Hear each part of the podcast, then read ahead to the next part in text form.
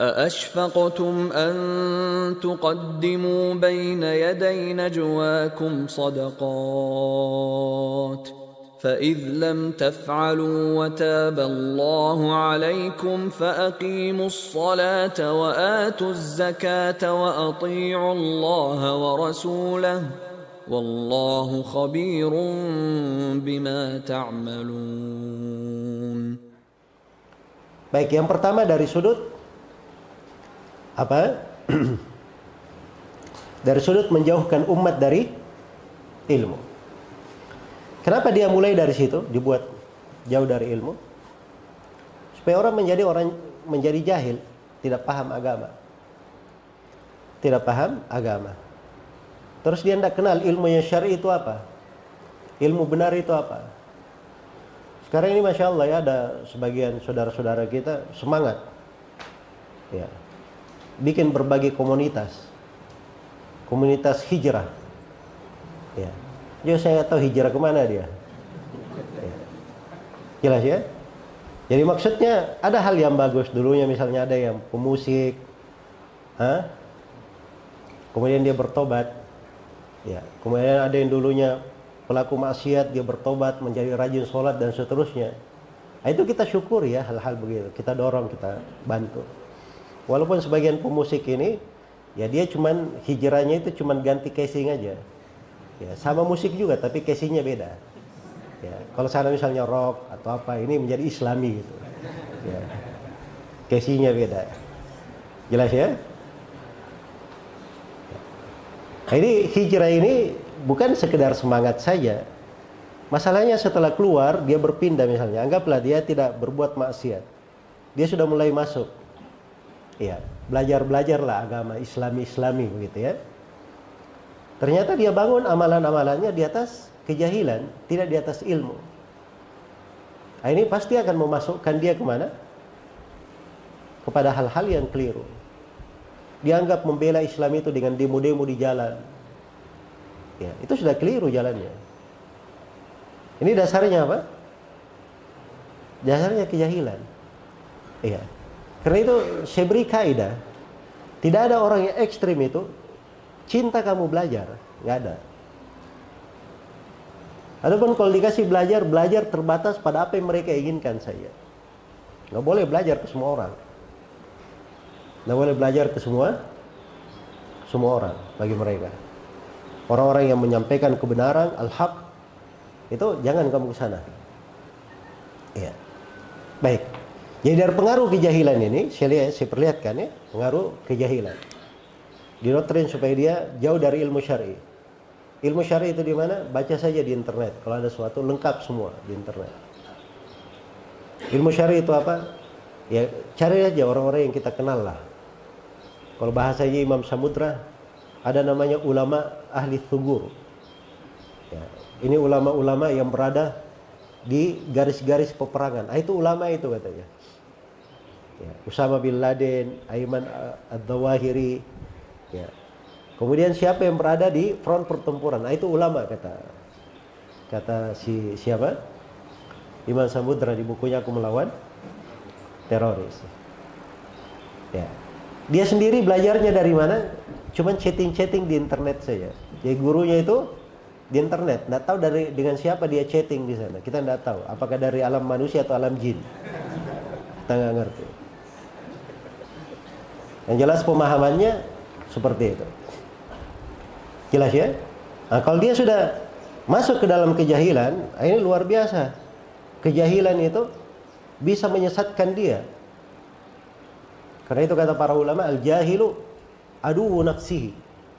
Orang yang jahil itu musuh dirinya sendiri.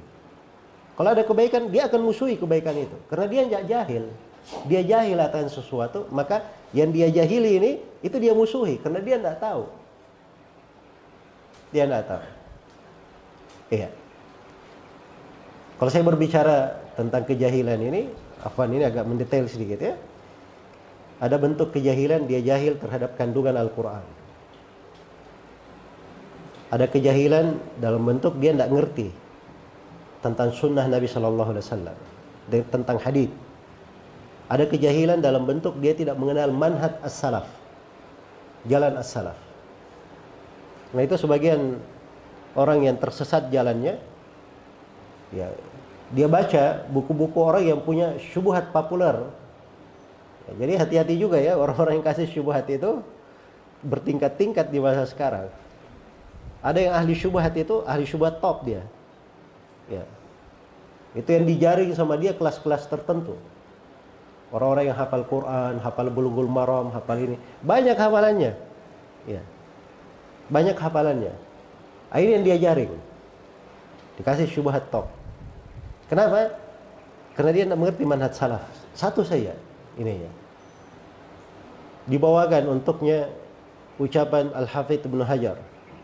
Ibnu Hajar berkata, "Qad al-khuruj madhaban li ba'dis salaf." Bahwa khuruj kudeta terhadap pemerintah itu dulu adalah sebuah madhab di kalangan as-salaf. Wah, langsung keblinger orang ini. Wah, kalau begitu bisa juga ya. Ya, dikasih doktrin ini pemerintah sekarang begini-begini. Wah, iya betul betul betul keterlaluan ini. Kita harus sikat. Nah, itu kan sudah masuk dia di doktrinnya. Jelas ya? Ini bahaya-bahaya yang besar. Dan dia jahil, nggak ngerti. Ibnu Hajar rahimahullah taala keliru dalam ucapan itu. Keliru rahimahullah. Dan itu tidak ada yang menyetujui ya. Nah, ini kan kekeliruan sebagian ulama, dia tidak ngerti. Dari mana? Kenapa dia ngerti? Dia tidak pernah belajar. Ya, jahil. Kalau dia baca madhab salaf, itu lengkap di buku-buku as-salaf. Sebelum Ibnu Hajar, semuanya menukil kesepakatan. Tidak ada silam pendapat. Jadi tidak boleh dikatakan itu madhab sebagian as-salaf. Harusnya dia katakan itu ada sebagian as-salaf yang keliru di dalam hal itu. Tergelincir. Tapi itu bukan madhab. Yang tergelincir ini pun sudah disalahkan oleh ulama di masanya dan ulama yang datang setelahnya. Jelas ya? Nah, begitu cara cara memahami masalah. Nah, ini kan hal-hal yang seperti ini agak detail ya. Agak detail. Jadi kalau sebagian apa namanya teroris-teroris kelas kakap ini itu nggak bisa dikasih dibuka pemahamannya dibantah doktrin-doktrin yang masuk kecuali di tingkat ilmu tertentu. Ya memang harus dipahami di mana asal mereka keliru di situ. Jadi kekeliruannya terkait dengan makna salah. Ada yang keliru karena kejahilannya apa? Jahilnya itu jauh dari ilmu, dia tidak mengerti maqasidus syariah. Maksud-maksud pensyariatan. Dia orang-orang jahil, nggak pernah belajar. Kalaupun belajar, dia belum sampai ke tingkatan orang yang berilmu. Belum sampai ke tingkatan orang yang berilmu. Karena itu agama ini ada makasid. Ada ruhnya. Ada ruhnya. Itu dipahami oleh ulama Islam. Iya. Makanya santai mereka di dalam menghukumi berbagai kasus dibangun di atas maqasid syariah. Dibangun di atas maqasid syariah. Contohnya misalnya Liz bin Abdis Salam. Beliau terangkan dari maksud jihad fi sabilillah Kata beliau, maksud jihad fi sabilillah adalah untuk meninggikan kalimat Allah di atas muka bumi dan membawa maslahat untuk manusia. Karena itu peperangan apa saja yang akan melahirkan kekacauan di tengah manusia, melahirkan kekalahan untuk umat Islam, melahirkan kejelekan untuk umat Islam, maka itu adalah hal yang tidak disyariatkan. Ini ilmu maqasid namanya. Jadi kalau dia paham ini saja, tidak mungkin dia akan melakukan peledakan-peledakan itu. Iya. Sebab itu bukan perbuatan seorang manusia yang berakal. Itu perbuatan syaitan yang penuh dengan dendam. Hal-hal yang seperti itu. Jadi kebencian yang mewarnainya bukan lagi timbangan syariat. Benci. Dan itu tidak benar ya. Di dalam syariat Islam itu tidak ada yang seperti itu. Asalnya kejahilan terhadap maqasidus syariah. Dan ini banyak ya saya apa namanya dan ini juga pembahasan khusus ya di sebuah di ilmu. Baik. Bahkan kata Imam Syatibi tidak boleh ada yang memberi fatwa kalau dia tidak mengetahui maqasidus syariah. Dia yang tidak pernah belajar ilmu maqasidus syariah walaupun dasar-dasarnya. Iya. Kemudian kadang dia tidak mengetahui apa sunnah-sunnah Rabbani yang berjalan di dalam Islam. Ada ketentuan sunnah-sunnah yang terpelihara, terjaga di dalam agama seperti Islam ini dari sunnah yang dijaga sekali adalah persatuan, kebersamaan. Ya. Terjadi fitnah apa pun, Rasulullah sallallahu alaihi bersabda, "Talzam jama'atal muslimin wa imamahu." Kamu komitmen bersama jemaah kaum muslimin dan kepala negara mereka. Iya. Itu kan kaidah, sunnah namanya Rabbaniyah. Jadi kalau dia pegang sunnah ini, dia santai. Indonesia ini ribut apa pun, apa pun yang terjadi, Nabi kaidahnya apa? Kamu tetap bersama negara, dipimpin oleh kepala negara, selesai. Ya. Nggak usah sibuk memikirkan ini benar atau tidak, ya apa kritikannya dan sebagainya. Ya, itu bukan urusan kalian. Mau jadi politikus semua. Jelas ya? Nah, itu urusan-urusan seperti ini. Itu ada sudut-sudut melihatnya juga.